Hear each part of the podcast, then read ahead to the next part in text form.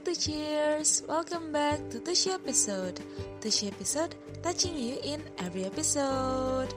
Halo halo, ketemu lagi nih sama aku G dan ya pastinya kalian udah pada penasaran kan karena kemarin aku ngekat obrolan kita sama Kak Syafira di part 1 dan ini part 2 nya. Jadi di sini Kak Syafira bakalan jawab nih uh, statement yang kemarin gitu. Nah untuk sedikit uh, mengingatkan lagi, mengulas sedikit ya uh, dari statement yang terakhir itu. Jadi statement kemarin itu tentang gimana seorang BPD survivor itu punya pemikiran um, kayak antara ya udah kalau misalnya nggak mau komunikasi sama aku nggak masalah gitu aku juga nggak mau jadi beban kok buat kamu gitu tapi di sisi lain dia juga mikir kayak kok aku belum dihubungin sih kok aku belum dikontak sih? Ini ke mana nih? Ini kenapa nih? Jangan-jangan dia benci sama aku. Jangan-jangan dia meninggalin aku lagi. Jangan-jangan ini udah waktunya aku dibuang dan lain sebagainya gitu. Pasti banyak banget yang ada di pikirannya mereka gitu waktu itu. Jadi apakah benar BPD survivor ini? Biasanya uh, disibukkan kepalanya dengan pemikiran-pemikiran seperti itu gitu. Nah kita bakalan cross check langsung sama Kak Syafira. Jadi boleh nih Kak Syafira langsung jawab gimana Kak terkait dengan statement yang itu gitu? Nah ini menurutku bener ya, bener banget. Uh, bagi seorang borderline personality disorder atau bisa dibilang kepribadian ambang itu emang emosinya sangat labil dan tidak terkontrol. Nah, kata ambang sendiri kan itu uh, di tengah-tengah gitu ya. Dan perubahannya itu bisa cepet banget dari up ke down, down ke up itu uh, sangat cepat. Jadi kalau misalnya satu menit pertama dia bisa bilang eh, nggak uh, apa-apa kok kamu nggak pedulin aku, tapi bisa di semenit berikutnya dia ngerasa langsung kok dia nggak peduli ya sama aku ya, kenapa ya? Jadi kayak gampang emosinya itu gampang banget terbolak-balik. Nah, makanya itu uh, perlu banget kontrol emosi. Jadi apalagi kalau misalnya itu nanti berhubungan balik lagi ke FP. Yang men-trigger kita itu ternyata malah FP itu bisa parah banget nanti emosinya. Ledakan emosinya bisa parah banget. Uh, karena ya itu tadi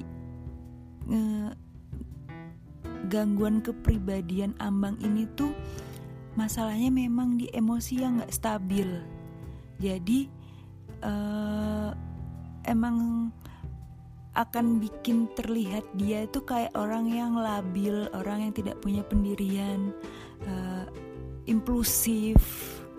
Itu memang salah satu ciri dari borderline personality disorder atau uh, gangguan kepribadian ambang. Jadi emang itu bener banget uh, gampang berubah-ubah perasaan kita. Menurut aku yang seorang BPD survivor itu seperti itu. Kalau untuk statement yang barusan menurut Kak Syafira itu benar ya tuh Cheers sebagai seorang BPD survivor Kak Syafira uh, merasa juga nih bahwa memang uh, yang dialami ya kayak gini gitu. Moodnya itu bisa up ke down terus down ke up gitu. Dan itu dalam hitungan yang cepat gitu perubahannya gitu. Mood swingnya itu bisa dalam hitungan jam hitungan menit kayak gitu. Oke, kita next ke statement selanjutnya nih. Nah statement selanjutnya katanya gini mereka yang punya BPD kadang bingung harus gimana ketika butuh orang lain karena sering banget mereka push away people Oke, kalau ini tanggapan Kak Syafira gimana nih? Ini statementnya benar apa enggak nih Kak? Kalau menurut aku pribadi sih sebagai seorang BPD survivor setuju dengan statement ini, tapi bukan ke push away people ya. Mereka lebih kayak ke uh, eh maksudnya kalau aku pribadi kayak lebih ke menjaga jarak dengan orang lain atau membuat benteng diri dengan orang lain atau menarik diri dari orang lain. Uh, kenapa? Karena uh, salah satu indikasi dari BPD itu kan susah membangun hubungan sosial.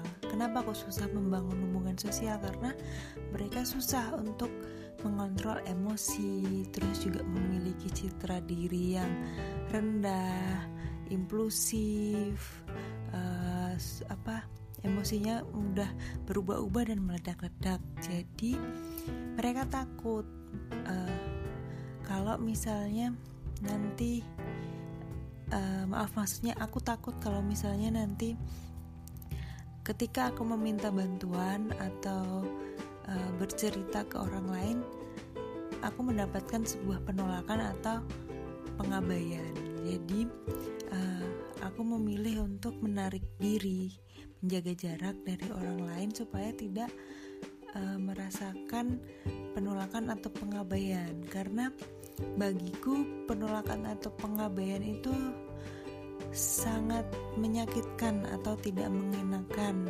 dan merupakan salah satu dari triggerku. Uh, jadi aku kayak pengen banget diperhatikan sebenarnya.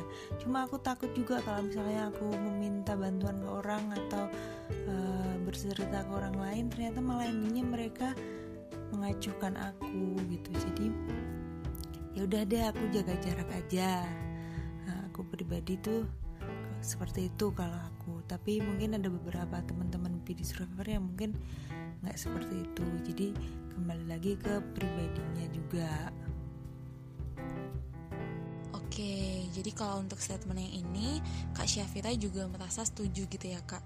Karena dari Kak Syafira pribadi sendiri, memang uh, Kak Syafira merasa Kak Syafira ini butuh gitu orang lain untuk ada dan untuk memperhatikan gitu. Um, cuman kalau misalnya mau bilang kayak gitu itu dibayang-bayangi sama ketakutan akan penolakannya gitu ketakutan akan pengabaiannya gitu. Karena untuk teman-teman BPD survivor mungkin rasa ditolak rasa diabaikan rasa ditinggalkan dan mungkin um, merasa kayak dibuang gitu itu sangat menyakitkan gitu. Dan untuk mereka rasa sakitnya itu mungkin bener-bener besar banget gitu. Makanya akhirnya e, beberapa juga mungkin apa ya lebih ke mungkin aku bisa bilang kayak self isolating gitu kali ya kak. Mungkin jadi kayak memberikan batasan gitu untuk orang lain supaya nggak masuk ke dalam zonanya mereka dulu gitu. Karena mereka mau mengisolasi diri dulu terus kayak maksudnya mengambil jarak dari beberapa orang gitu. Karena ya satu dan lain hal gitu ya mungkin menjadi triggernya gitu ya. Oke jadi kalau untuk statement yang itu um, menurut kak Syafira bener tuh cheers. Tapi kembali lagi um, setiap teman-teman di survivor itu nggak semua merasakan atau mengalami uh, statement yang disebutkan tadi gitu. Oke kita next ke statement yang lain statement selanjutnya. Statement selanjutnya um, statement selanjutnya agak sensitif nih. oke okay, um, jadi ini trigger warning dulu ya untuk teman-teman semua teman-teman tucis yang mendengarkan. Um, karena setelah ini aku akan aku dan Kak Syafira mungkin akan membahas uh, beberapa hal yang cukup sensitif. Uh, jadi kalau misalnya ada yang merasa tertrigger atau merasa kurang nyaman atau merasa um, satu dan lain hal yang gak mengenakan gitu uh, mungkin bisa segera hubungi Tusye gitu hubungi konsulat Tusye juga gitu untuk konsultasi di Tusye terkait dengan um, hal ini hal yang bikin kalian trigger gitu atau seenggaknya cukup reach out aja gitu nggak apa-apa. Oke jadi um, untuk statement selanjutnya katanya mereka yang punya BPD melakukan self harm itu cuma untuk mencari perhatian aja. Gimana nih kak tanggapan dari kak Syafira untuk statement yang satu ini gitu. Karena cukup sensitif juga gitu kan ya statementnya. Hmm, kalau menurutku aku nggak terlalu setuju ya dengan statement itu. Karena uh, eh, self harm sendiri itu bagi aku seorang BPD survivor itu malah bukan buat uh, mencari perhatian tapi lebih ke pelampiasan aku kan nggak tahu nih harus cerita ke siapa. Uh, takut juga cerita ke orang takut ditolak atau takut diabaikan. Akhirnya semua emosiku yang menumpuk tidak terluapkan uh, itu aku lampiaskan dengan menyakiti diri sendiri atau self harm jadi kayak uh, aku saat itu selalu berpikir kayak punya pemikiran kayak gini uh, aku lebih baik fisikku yang sakit daripada hatiku yang sakit gitu. Jadi kayak aku ketika aku sakit hati aku melampiaskannya ke menyakiti diri. Jadi biar teralihkan sakitnya itu ke badanku bukan ke hatiku. Uh, tapi mungkin juga bisa jadi uh, beberapa BPD survivor itu melakukan uh, self harm di depan orang lain untuk mendapatkan perhatian. Tapi biasanya ini terjadi itu bukan uh, karena maksud niatan asli ingin menyakiti diri tapi karena eh maaf maksudnya lebih kayak ke ancaman gitu loh ke orang tersebut bahwa uh, kalau keinginannya nggak dituruti dia mau menyakiti diri. Mungkin seperti itu ya kalau sepengalamanku uh, jadi kayak lebih mencari perhatiannya tuh dengan uh, mengancam bahwa akan menyakiti dirinya sendiri. Uh, dan aku juga nggak tahu kok bisa muncul statement kayak gini karena uh, yaitu self harm itu kan sensitif ya sebenarnya. Dan itu uh, pasti uh, apa namanya uh, jangan sampai dilakuin lah sama uh, kalian semua gitu loh. Jadi kayak uh, kalau aku pribadi mikirnya mungkin bisa jadi itu adalah tindakan impulsif yang muncul ketika si BPD survivor ini keta ke trigger jadi kayak yang kepancing emosinya nggak bisa ditahan akhirnya dia uh, melakukan uh, sebuah tindakan impulsif dengan ingin menyakiti diri sendiri. Kayaknya kalau aku pribadi lebih ke situ sih. Soalnya kalau aku pribadi self harm itu lebih ke pelampiasan tapi bukan buat mencari perhatian. Gitu. Oke, jadi gitu ya tuh Cies. Untuk yang statement barusan um, Kak Syafira dengan jelas mengatakan kalau Kak Syafira sendiri nggak setuju gitu sama statementnya gitu. Karena dari pengalaman Kak Syafira juga um, hal itu tadi dilakukan untuk pengalihan gitu supaya rasa sakit atau rasa rasa nggak enak dan nggak nyaman yang ada di hati itu bisa teralihkan ke fisik gitu. Lebih ke yang kayak gitu. Oke sekarang kita move ke statement terakhir nih jadi statement terakhir itu gini kak. Katanya BPD itu nggak bisa sembuh. Waduh gimana nih? Kalau dari Kak Syafira sebagai BPD survivor gitu kira-kira untuk statement ini gimana Kak? Dari pengalamanku selama ini konseling dan terapi ya menurutku BPD itu bisa disembuhin tapi memang perlu perjuangan ekstra.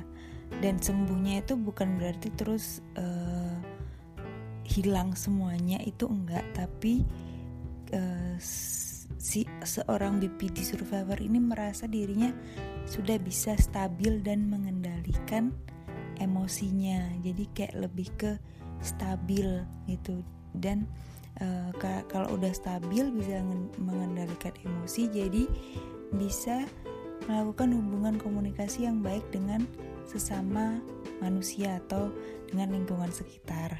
Kalau dari psikiaterku sih ngomongnya gitu. Jadi emang perlu banget uh, perjuangan ekstra karena menurutku pribadi se sebagai seorang BPD survivor itu nggak mudah buat mengendalikan emosi. Apalagi kalau ke trigger itu benar-benar susah dan uh, benar-benar harus uh, kalau aku tuh terapinya suka itu ngambil waktu time out. Jadi menyendiri buat nenangin diri serta menulis ungkapan perasaanku ke dalam sebuah tulisan atau catatan. Jadi kayak uh, bikin puisi lah atau nulis nulis nulis semua perasaanku aku tulisin di situ. Baru di akhir aku ngasih afirmasi positif ke diriku uh, dan aku yakin bisa kok. Semuanya bisa dilewatin semuanya bisa sembuh bisa stabil lagi uh, bisa membangun koneksi lagi dengan orang-orang sekitar. Jadi pasti bisa. Kalau ada keinginan kita pasti bisa jadi orang yang lebih baik dan uh, memberikan dampak yang baik juga buat orang lain.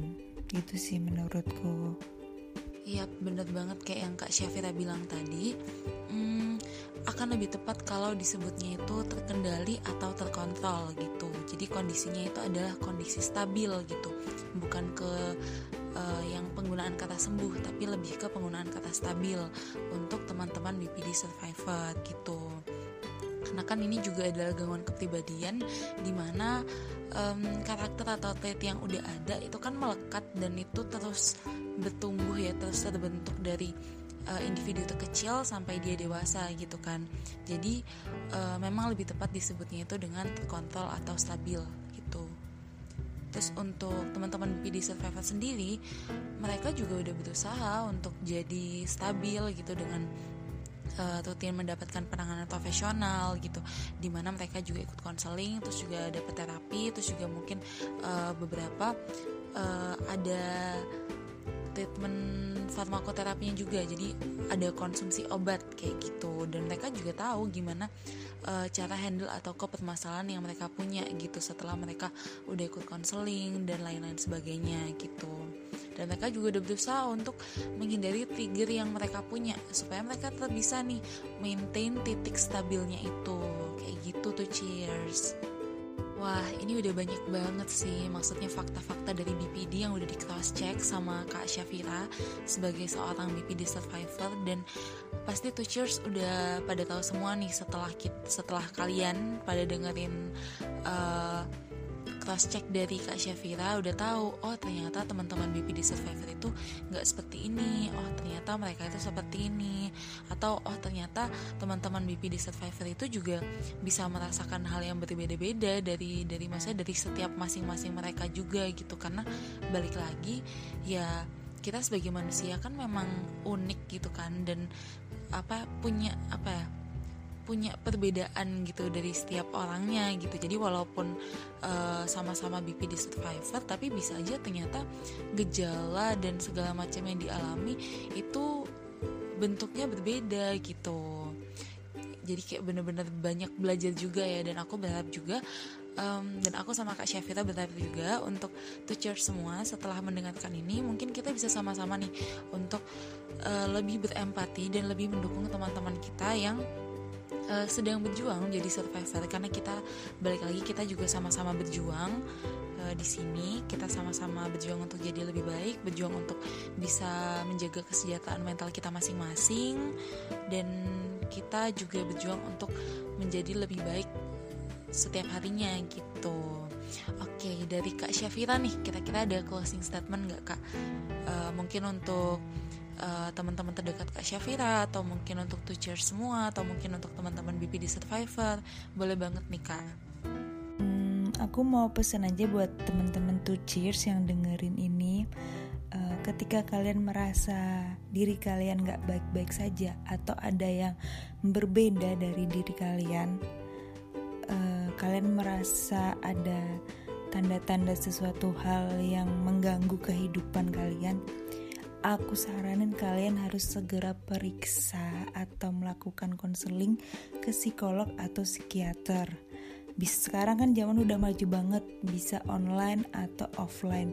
Gak usah takut karena ketika itu awal pasti bisa di bisa di uh, tangani dengan tepat. Jangan nunggu parah dulu baru kalian ke uh, psikiater atau psikolog. Jadi biar kalian bisa mendapatkan penanganan yang lebih cepat sehingga kalian juga bisa uh, apa namanya stabil lebih cepat atau sembuh lebih cepat.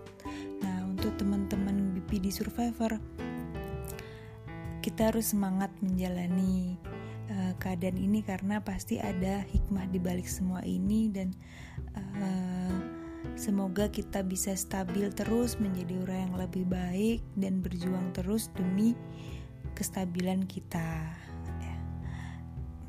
gitu aja sih jadi pokoknya semangat bahagia selalu sehat selalu makasih Oke, terima kasih Kak Syafira untuk closing statementnya. Jadi kayak gitu ya tuh cheers. Jadi tadi ada beberapa poin-poin yang bisa aku tangkep. Um, Kak Syafira berpesan untuk supaya kita bisa segera ke profesional kalau memang ada beberapa hal yang dalam hidup kita ini ternyata rasanya mulai nggak baik, mengganggu dan bikin kita nggak nyaman. Nah itu kita boleh langsung untuk uh, seek profesional gitu. Terlebih sekarang kan akses untuk ke profesional itu lebih mudah nih ya, karena kan banyak banget tuh platform yang emang sekarang udah menyediakan layanan psikologi.